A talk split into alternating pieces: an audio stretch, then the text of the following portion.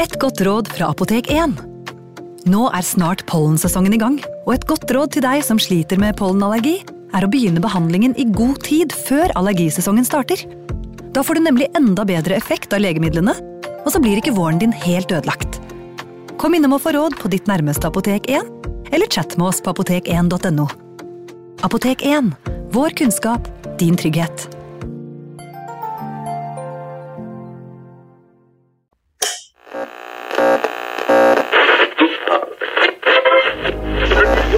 Vi skal gjenta særmeldingen i dag.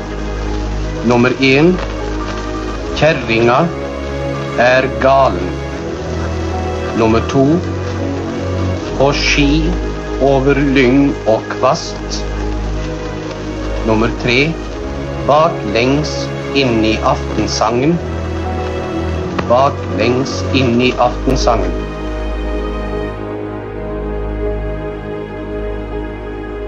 Det er eh, fremdeles høst, og det er fremdeles eh, 3. november 1944. Eirik Veum, dette, eh, denne likvidasjonen foregår altså under en time etter at den forrige eh, fant sted. Ja, vi hørte om eh, Olav Mikael Njøten eh, i Bergen i forrige uke, som da ble likvidert eh, ca. klokken åtte om morgenen mm. utenfor statspolitiets hovedkvarter da i Bergen. Men som du sier, nå er vi i Oslo. Og det er klokka er fem på ni cirka. Ja, og da er det en av eh, avdelingslederne i statspolitiets avdeling Oslo som går eh, ut av en bygning nede i Munkedamsveien 53B. Og der ligger det en, en veldig fin eh, Ja, det er en seksetasjers bygning fra 1877 som statspolitiet nå disponerer. Og der holder de kurs og konferanser. Den bygningen den ligger jo da mm, Ja, det er et område som kalles Ruseløkka. Du er jo godt kjent i Oslo, du, Kyrre, så du vet jo hvor det er. Men eh, det er jo da bare i og for seg en, ja, en ganske rask spasertur da, fra, fra statspolitiets hovedkvarter oppe på Victoria terrasse. Og det han eh, vi skal eh, fortelle om, er nettopp på en liten spasertur, da tilbake igjen til jobben, da, til der hvor han egentlig jobber, for han har hatt en slags kurs, eller forelesning, på, i disse kurslokalene. Ja, han har vært med på å Ja, de har et etterforskningskurs der for tjenestemenn fra statspolitiet og grensepolitiet. Og der har han da hatt en eh, forelesning som startet klokken åtte på morgenen, og nå var han ferdig med den, og eh, hadde da gått ut av, eh, av bygningen, som sagt, eh, på vei opp da til kontoret sitt eh, i eh, Victoria terrasse. Eh, Han hadde ikke på seg uniform, men eh, hadde på seg en frakk, en hatt, skjorte og dressbukse. Og hvis vi husker han her, da, Sverre Thorhus, så kan vi jo, for de som husker så godt, gå tilbake til en av de første episodene vi, vi lagde, om Arne Halvard Tofteberg, Ja, denne statspolititjenestemannen som ble sprengt inne på kontoret sitt. Sverre Thorhus delte kontoret med han. Ja. Og Sverre Thorhus var også mål, eller skulle vært et mål, eh, eller var et mål, men skulle også vært drept den dagen. Men i og med at han ikke kom på jobben, så overlevde jo han. Og hvis vi husker enda bedre, så var jo også Sverre Thorhus en av de som holdt, eller skrev minneord til, eh, for å hedre da, eh, ja, Arne Halvard Tofteberg etter at han var drept. Så eh, ja, nå har vi da kommet til at nå innhenter jo også skjebnen er 36 år, statspolitifullmektig fra Ålesund, bor på Nordstrand i Munkerødveien. Ja, som kona si Ruth. Nettopp, hun heter Ruth, ja, og de har vært gift siden 1933. Og så har de en uh, liten gutt sammen, han heter Arne, og så eier jo da familien uh, også et hus uh, i Havebyen, i Sogn, Ja. altså bydelen Nordre Aker, så de har da et litt sånn kosested ved siden av huset sitt da på Liten hytte. Ja, en liten hytte. Ok. Siden- Der de bor på Nordstrand. Nå er han på vei til fots, Sverre Thorhus på vei til Victoria terrasse, så passerer han Ruseløkkveien 61, og der eh, skjer det saker og ting. Ja, der står det en lastebil eh, parkert. Og det er jo vitner her også, også her så er vi i en by, da. Så det de har sett, disse vitnene, fra ja, omtrent sånn ved åttetiden om, eh, om morgenen, altså omtrent samtidig som Sverre Thorus starter sin forelesning, så hadde det stått en mann da ved denne lastebilen, og han hadde på seg en, eh, ja, en sånn blå overall, eh, står det i vitneforklaringene, og en blå jakke og en svart eh, skyggelue.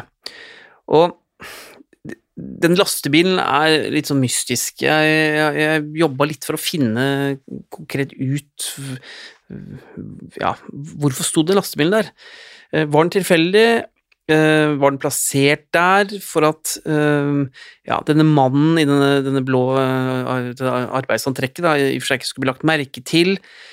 Det vi vet, er at denne lastebilen den hadde ikke registreringsskilt, men var kommet dit dagen før og hadde da påmontert såkalte prøveskilter. Mm. Og disse skiltene var nå blitt tatt av, så lastebilen bare sto der, den kunne ikke kjøres fordi den var, hadde verken prøveskilter eller vanlige registreringsskilter, men den var også skadet, øh, trengte reparasjon øh, fordi en eller annen mellomaksjel var gått i stykker. Så derfor var den blitt stående der, og det var det i og for seg en naturlig forklaring på. Ja. Og så man, er det litt uklart om dette da var øh, en bevisst handling eller rent tilfeldig, som sagt, men denne mannen i dette blå arbeidsantrekket, han står der ved siden av den lastebilen. Det, det, vet vi med sikkerhet. Og han har et ærend. Ja, det som skjer da Sverre Torhus han uh, tusler da opp Ruseløkveien, og idet han passerer lastebilen, så uh, har vitner sagt at omtrent samtidig de ser han ved lastebilen, så hører de noen lave smell. Uh, ja, sånn, nærmest sånn, litt sånn knatring. Og det de da Eller etterpå, når man forklarer dette, så antar man da at dette var fordi et eller annet skytevåpen, tydeligvis en revolver eller pistol, hadde lyddemper. Mm. Og en eller annen har sett på klokka og ser at den da er ganske nøyaktig 08.57. På et tidspunkt her så ville jeg, hvis jeg var politimann i Statspolitiet, sluttet å spasere til jobben. Det er jo den farligste tingen man kan gjøre som politimann, eh, statspolitimann. De ser et mønster der, Ja. når de blir tatt. Er det fordi um, det er lettere, altså de rutinene når man skal på jobb, er lettere kanskje å kartlegge enn når de går hjem fra jobb, for det kan skli ut? Det var en sånn mulig lett, lettest måte på en måte å sannsynliggjøre at man skulle vite når de kom, og hvor. Ja, så kan man jo anta at om morgenen så er det jo et nattskift som har gått av, et nytt dagskift har kommet på. Det er vel en sånn vaktskifte, det tar litt tid før ting er på plass og kommer i gang. På ettermiddagen så kan man jo tenke seg at flere patruljer er i gang, er ute, dagen Ja, man, har, man, har, man- er med på jobb da, rett og slett. Ja, Kanskje man er litt mindre årvåken nå på morgenen? Er Det kan jo også hende. det er iallfall et veldig eh, tydelig mønster. Men hva har skjedd? Jo, det som vitneforklaringene sier, er at eh, det ble avfyrt av et skudd av en person som sto inne i dette portrommet, like ved lastebilen. Ikke denne mannen i blå Nei, det er en person innenfra et portrom som avfyrer det første skuddet. Mm. Og det skuddet treffer ikke Torus, men istedenfor å løpe, så snur han seg i stedet raskt imot de to mennene, altså denne mannen ved lastebilen og denne mannen inne i et portrom like ved lastebilen. Ja. Og så er det denne mannen da i dette blå antrekket som tar frem eh, også en pistol da, og skyter Sverre Torus seks ganger. Mm. Og det må ha skjedd veldig raskt. Tre av eh, prosjektilene treffer ham i brystet. De går inn da fra den venstre siden, Hvis ett av dem gikk gjennom hjertet. Og to skudd går inn i bakhodet hans, så da antar jeg at han har falt om, og så har disse neste skuddene da blitt avfyrt mot hodet idet han ligger på bakken. Ja. Og øhm, ja, ett av de øh, skuddene som går inn i hodet, går gjennom øh, hodeskallen og ut av det høyre, eller like ved det høyre øyet. Det andre skuddet går ikke gjennom hodeskallen og blir sittende fast ja, ved pannebeinet.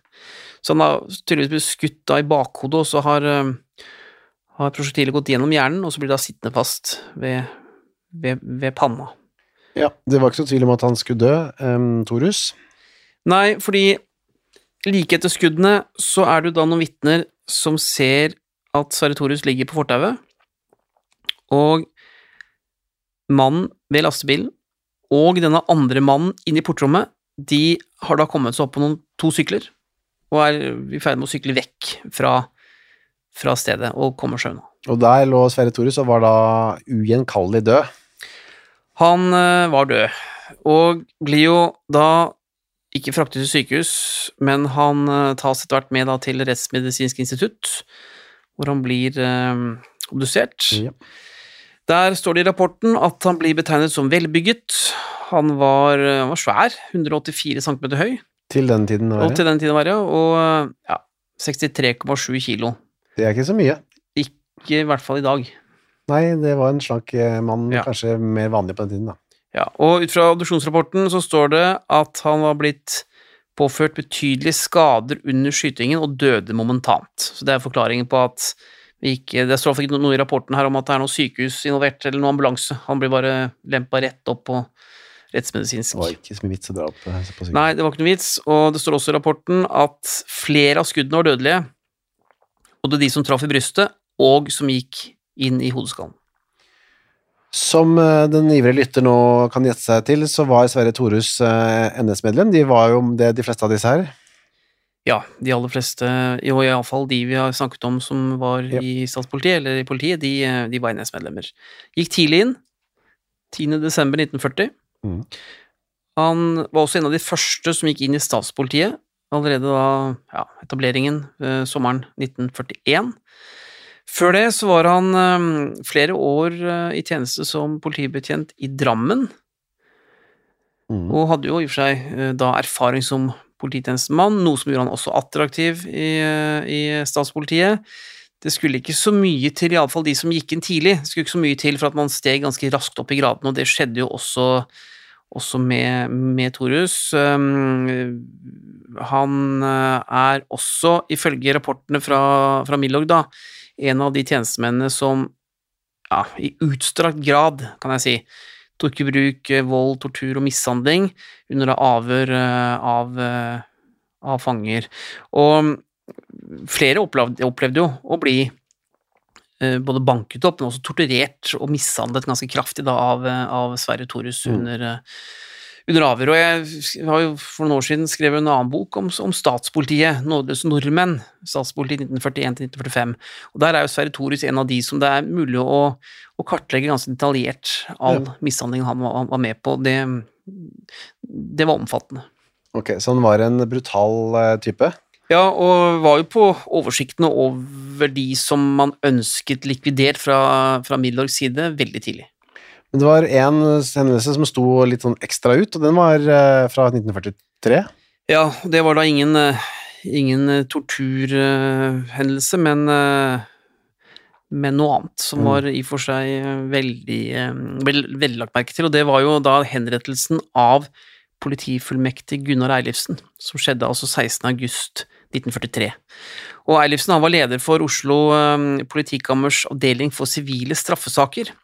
Og det Gunnar Eilifsen hadde gjort, han hadde altså nektet å beordre noen konstabler til å arrestere noen ungjenter som ikke ville møte til tjeneste da, i, i, i denne Norges arbeidstjeneste, eller best kjent som arbeidstjenesten. Tyskerne ba han om å gjøre det, eller? Ja, det, dette var noe som okkupasjonsmyndigheten hadde bestemt, at Ja. man skulle kalle da inn, eh, som vi har snakket litt om før her, eh, både kvinner og menn, eh, unge da, til såkalt arbeidstjeneste. De som ikke møtte, ble da etterlyst eller skulle pågripes, så det var jo dette de hadde nå bedt Gunnar Eilifsen om å gjennomføre, eller altså i og for seg beordre sine konstabler til, til å utføre. Han nektet. Ja. Og det ble ikke tatt eh, nådig opp. Nei, han ble stilt da for en norsk særdomstol, og han ble faktisk dømt til døden. Og eh, det var Sverre Thorius som plukket ut sju av sine underordnede i statspolitiet, som da fikk da eh, oppdraget med å skyte, altså henrette, eller være med på henrettelsen av, av eh, Eilifsen. Og Sverre Thorhus, han eh, han eh, ledet selv av denne eksklusjonspelotongen, altså selve henrettelsen. Er norske politimenn som skyter andre norske politimenn. Ja. Det er ganske spesielt. Ja, vi kommer tilbake til andre tilfeller av det litt senere i denne serien, forhåpentligvis, men det er noen tilfeller der, som du sier, norske polititjenestemenn under norsk kommando med norske våpen, norske uniformer, eh, og hvor kommandospråket er norsk, Mm. henretter sine egne, altså egne tjenestemenn, og det, det er veldig spesielt. Men um, dette var jo da den første, og det er også Sverre Thorius faktisk som da gir Gunnar Eilfsen beskjed om at du skal, uh, du skal skytes, og det er vi som skal gjøre det, altså dine egne landsmenn. Noen, om bare noen timer. bare noen timer, uh, timer før han skal skyte seg. Og, og den, den historien om Gunnar Eilifsen, den eh, står jo i krigshistorien som veldig spesiell og litt sånn hjerteskjærende. Jeg har um, beskrevet den også veldig detaljert i en, uh, denne boken om statspolitiet vi snakket om, og det er, det er, det er ganske brutalt. Mm. Og han Eilifsen var i og for seg 45 år og etterlot seg kone og tre barn. Så en familiefar, men ble da også drept av denne sommerdagen i 1943 av sine egne. Vi kan tenke oss at uh, Sverre Thorhus sto med litt sånn ildskrift på denne listen til Milorg, og hvem som skulle likvideres. Ja, de hadde forsøkt å ta ham før, men uh, lyktes jo da ikke før denne, denne fredagen i november 44. Som vi var innom, så var det gjort på en meget grundig måte, men av hvem? Ja, vi, um, vi vet jo at to av de som hadde utført mange av disse likvidasjonene, eller disse oppdragene, Andreas Aubert og Henrik Henriksen, de, eh, de eh, er i Sverige. Så de, de kan ikke knyttes til, eh, til denne likvidasjonen. Så um, det vi vet her, er jo at disse to faste medhjelperne de hadde, Jakob Jacobsen og Erik Hansen Bakke, de er i, eh, i Oslo i denne perioden. Og de hadde jo i og for seg ordre om å videreføre de oppdragene som eh, denne operasjonsgruppen, eller likvidasjonsgruppen Bøssal hadde fått. Så man kan jo se for seg at en av de, eller kanskje begge, hadde da utført denne, denne likvidasjonen. Samme som man tror drepte Olaf Rahl Vabø, ikke sant? Nettopp. Samme mønster her. Ja. Så det er de to man ser på. Men um, her er det um, litt uh, sprik i kildematerialet også. Det er lett å knytte Henriksen og Bær til øh, veldig konkrete oppdrag. Når det gjelder disse to medhjelperne, så er det litt vanskeligere. Men hvis vi ser jo av beskrivelsen her at det er gjort litt på samme måte som med Vabø. Veldig sånn kaldt, beregnende, Rolig. rolige, tett bystrøk, masse vitner, og det er ikke noe sånn panikk og sånn over det, så dette er trente folk. Gunnar Sønsteby sa at det var Oslo-gjengen eh, på Ja. et tidspunkt, i 2010. Ja, det er korrekt. Så da er det jo ikke så mange å velge mellom, og, og det, er, det er i hvert fall grunn til å anta at, øhm, ja, at Hansen Bakke og Jacobsen kan ha vært de som utførte det, eller iallfall vært involvert på et vis. Han ble gravlagt på Vestre Gravlund med stor ståhei, men eh, 10. november 44, og det, vi har vært innom mange gravferder tidligere her, men denne her ble det litt mer eh, bruduljer rundt etterpå. Ja, vi kan jo starte litt med å se hvordan denne bisettelsen ble, ble gjennomført. Altså, Sertorius han var jo ikke hvem som helst, så her hadde de møtt frem eh, eh, en rekke av toppene. altså eh, Justisminister Sverre Risnes han tok jo imot gjestene. Ja, han var en slags vert. Ja, han representerte jo regjeringen, da, men, men var som sagt en vert, ja, som du sier. Kvitgen Quisling var ikke til stede, men en rekke mm, Ja, altså en stor eh, forsamling med, med familie, med kollegaer, med venner var jo kommet. I tillegg så var det jo en rekke tyskere der. Uh, Reiskommissar Josef Terboven var kommet. Sjøl, altså. Selve, kom- det var jo helt eh, kongen på haugen. Kom, kom eh, selv, altså Ja. personlig. det sier litt om hvor uh, viktig han ble sett på, sikkert, da, Sverre Thorus. Ja, og at man ønsket da å signalisere at man tok Man, man, ønsket å hedre sine norske samarbeidspartnere Ja. ved at uh, Terboven selv kommer. Vi ser også at uh, SS-oberfyrer Heinrich Fjellis er der, altså sjefen for det tyske sikkerhetspolitiet. De kommer jo også fra norsk politi. Carla Martinsen, sjefen for det norske sikkerhetspolitiet. Uh, ordenspolitiet hadde jo en sjef, Egil Yngvar Olbjørn, og så var jo også Hirdens stabsleder der, Orva Sæter. Så toppene var til stede, og det signaliserte jo selvfølgelig at eh, man her hadde mistet da en veldig betrodd eh, kollega, og i og for seg underordnet, da. De hadde pyntet eh, så vakkert, sto det i Fritt Folk eh, etterpå. Ja, rundt båren som var smykket med, med en overdådighet av høstens luende blomsterprakt, sto som æresvakt åtte mann av statspolitiet, og hele kapellinteriøret hadde et typisk militært preg. Et militært pynte...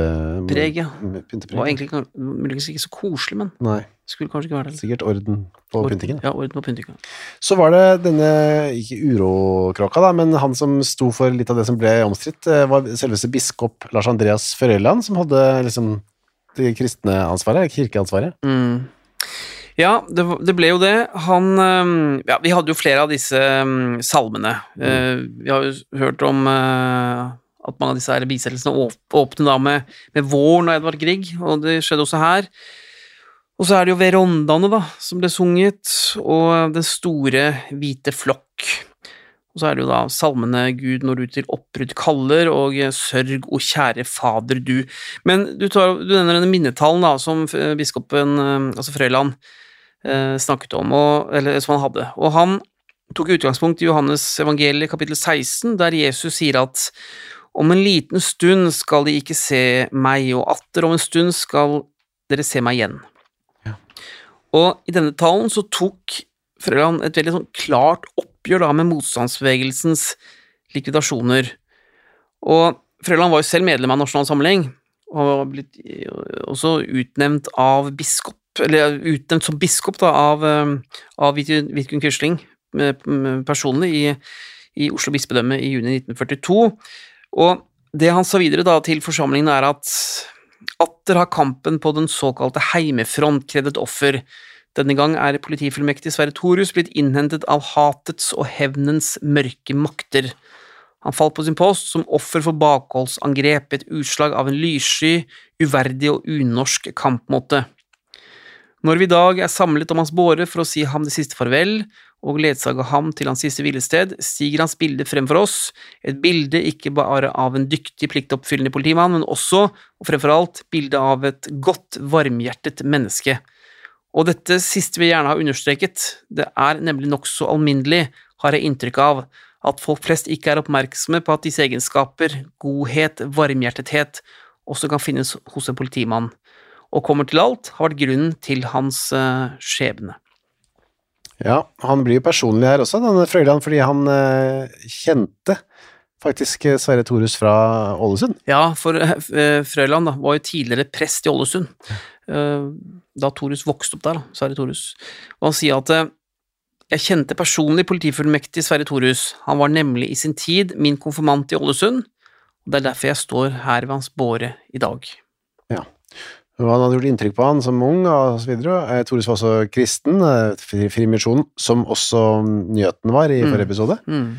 Eh, og så de møttes igjen i 43 da, da Thorus var blitt leder for en av lederne Ja. i statspolitiet. Men de hadde også hatt en del vanskelige samtaler, eller gode samtaler om det vanskelige arbeidet til statspolitiet. Ja, det virker jo da som at Sverre Thorus på et eller annet vis eh, betrodde seg da, til biskopen Lars Andreas Frøland. Og Frøland sier jo da i denne, denne talen, vindtalen, at Torus Thorus hadde hatt eh, samtale med han og fortalt ham om det krevende arbeidet da, som statspolitiet utførte i en vanskelig tid. Og ved båren sa også Frøland at han hadde lært Torus å kjenne som en mann med et varmt hjerte, som av og til hadde problemer med å utføre de pliktene som denne harde tid la på ham. Og det ble i og for seg ikke forklart eller konkretisert av Frøyland hva som lå i det, men eh, det kan jo være at han her, uten at han sa det i talen sin, at Frøland her siktet til henrettelsen av, eh, av eh, Gunnar Eilifsen. Og eh, etter hvert viste det seg også da at Lars Andreas Frøland var jo den presten som hadde vært på Victoria terrasse om natta før Gunnar Eilifsen ble henrettet, for å forberede ham på den, den skjebnen som, som ventet han da. Ja, det var han som trøstet Ja. eh, og forberedte Ja. Eilifsen. Og den som tok imot Frøland for å føre ham til Eilifsens celle, det var Sverre eh, Så dette er nok noe som hadde gjort veldig inntrykk, muligens på Thorus, men i alle fall på biskop Frøland. Mm. At han skulle møte en norsk tjenestemann som da skulle henrettes av sine egne. En som han kjente til. lenge. Nettopp. Og så kommer jo Frøyland inn på det som på en måte skulle være litt kontroversielt, da. Eh, og dette er å, å snakke om at eh, en ting er uh, statspoliti og disse som handlet eh, på ordre, det gjorde jo også i og for seg Torus, men det var kanskje flere som handlet eh, etter ordre. Ja, på, på, på et vis da så tar han motstandsbevegelsen i forsvar ved at han sier at det, det kan da vel også bare forklares med at vedkommende attentatmann selv mottar sine ordre fra annet hold og mener seg forpliktet til blindt å adlyde dem hvem det så enn er det går utover. Og så har vi da kampen på den såkalte heimefront gående. Og det her så ligger jo at Frøyland Ja, det er som du sier, han forsvarer og kanskje forklarer litt hvorfor Sverre Thorhus og andre polititjenestemenn da ble likvidert av motstandsbevegelsen, og fratar jo på et vis de som utfører likvidasjonene, Mm. det hele ansvaret, ved å forklare det med at de også kunne utføre ordre. Og det var naturligvis, eh, var naturligvis eh, og fikk også et etterspill. Men så gjør man ferdig begravelsen, kisten bæres ut, og eh, det er noen statspolitikamerater som står æresvakt og så videre, og så er det noen inderlige ord fra kona Ruth som han framfører. Frøland. Ja, han Frøland også legger ned da en krans fra kona Ruth, der det sto noen inderlige ord, slik det sto i, eh, i referatene i avisene. Ja. Og så kommer det også en eh, ja, betydelig antall blomsterhilsener fra Germansk SS Norge, fra Hirden statspolitiet, Tyske sikkerhetspolitiet, Nasjonal Samling, Justisdepartementet, Politidepartementet. Selv en eh, egen krans fra ministerpresident Vidkun Quisling blir jo lagt ned der Ja. og den ble lagt ned da av Sverre Risnes på vegne av, eh, av Quisling. Så det var veldig høytidelig, og en gravferd som også fikk eh, stor eh, presseomtale, fordi man hadde så mange topper til stede. Som da ville hedre Sverre Thorhus for den han hadde vært i tjenesten. Og så var det denne talen, og den ble ikke referert i avisene, men det ble liksom omtalt likevel, i hvert fall i Fritt Folk. Ja, man, eh, man fikk jo et etterspill, som jeg sa, og eh, deler av talen ble ikke referert, men Fritt Folk siterte dagen etter denne, denne gravferden, da, uh, Frøyland, uh, på dette med at uh, Torus kun hadde, hadde utført, utført sin plikt som polititjenestemann, og det sto der blant annet at uh, men med dette har jeg ikke villet si at jeg er enig i, enn si føler meg medansvarlig for alt det som skjer i dag, enten det så kommer fra den ene eller andre kanten, ble da biskop Frøyland sitert på. Og det som skjedde etter denne seremonien, var at justisminister Sverre Risnes han eh, ble altså så rasende, så forbanna på, eh, på biskop Lars Andreas Frøland, at dagen etter eh, så hadde biskopen blitt kalt inn til politiminister Jonas Lie, og blitt skjelt ut og grovt anklaget da, for å likestille attentatmenn, altså likvidasjonslagene fra, fra Milorg, eller som havnet, på, som handlet på oppdrag fra Milorg, og tjenestemennene i statspolitiet. Og um, Siden begge handlet etter ja, ordre. Ja, ved, ved, ved å påstå det. Hmm. Og um, det fikk jo det etterspillet ved at eh, Lars Andreas Frøland altså fikk en, eh, et kategorisk forbud, står det, mot å tale i eh, fremtidige begravelser til eh, politimannskaper. Så det ble et voldsomt spetakkel ved at da Lars Andreas Frøland hadde hatt en tilnærming til dette, hvor han, hvor han sammenlignet eh, statspolitiet og, og motstandsfolk som personer som begge handlet et etter ordre. Det er vel ikke utenkelig at desperasjonen begynte å stige både her og der, og også blant eh, toppene i eh, NS-styret. De skjønte kanskje litt hvor eh, veien bar. Ja, og vi kan jo tenke oss nå at her blir det drept to tjenestemenn samme dag. En i Bergen, en i Oslo.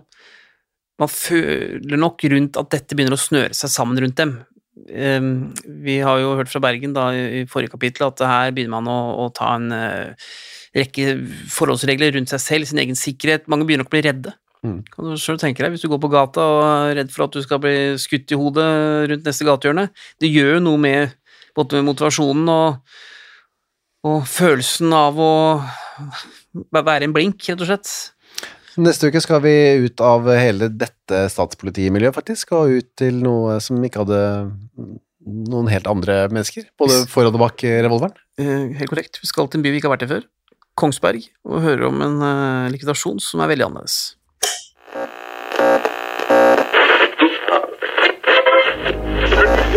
Vi skal gjenta særmeldingen i dag. Nummer én Kjerringa er galen. Nummer to På ski over lyng og kvast. Nummer tre Baklengs i aftensangen.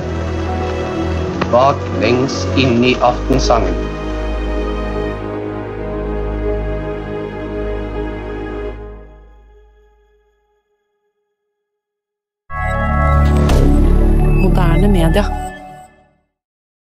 Har du et enkeltpersonforetak eller en liten bedrift?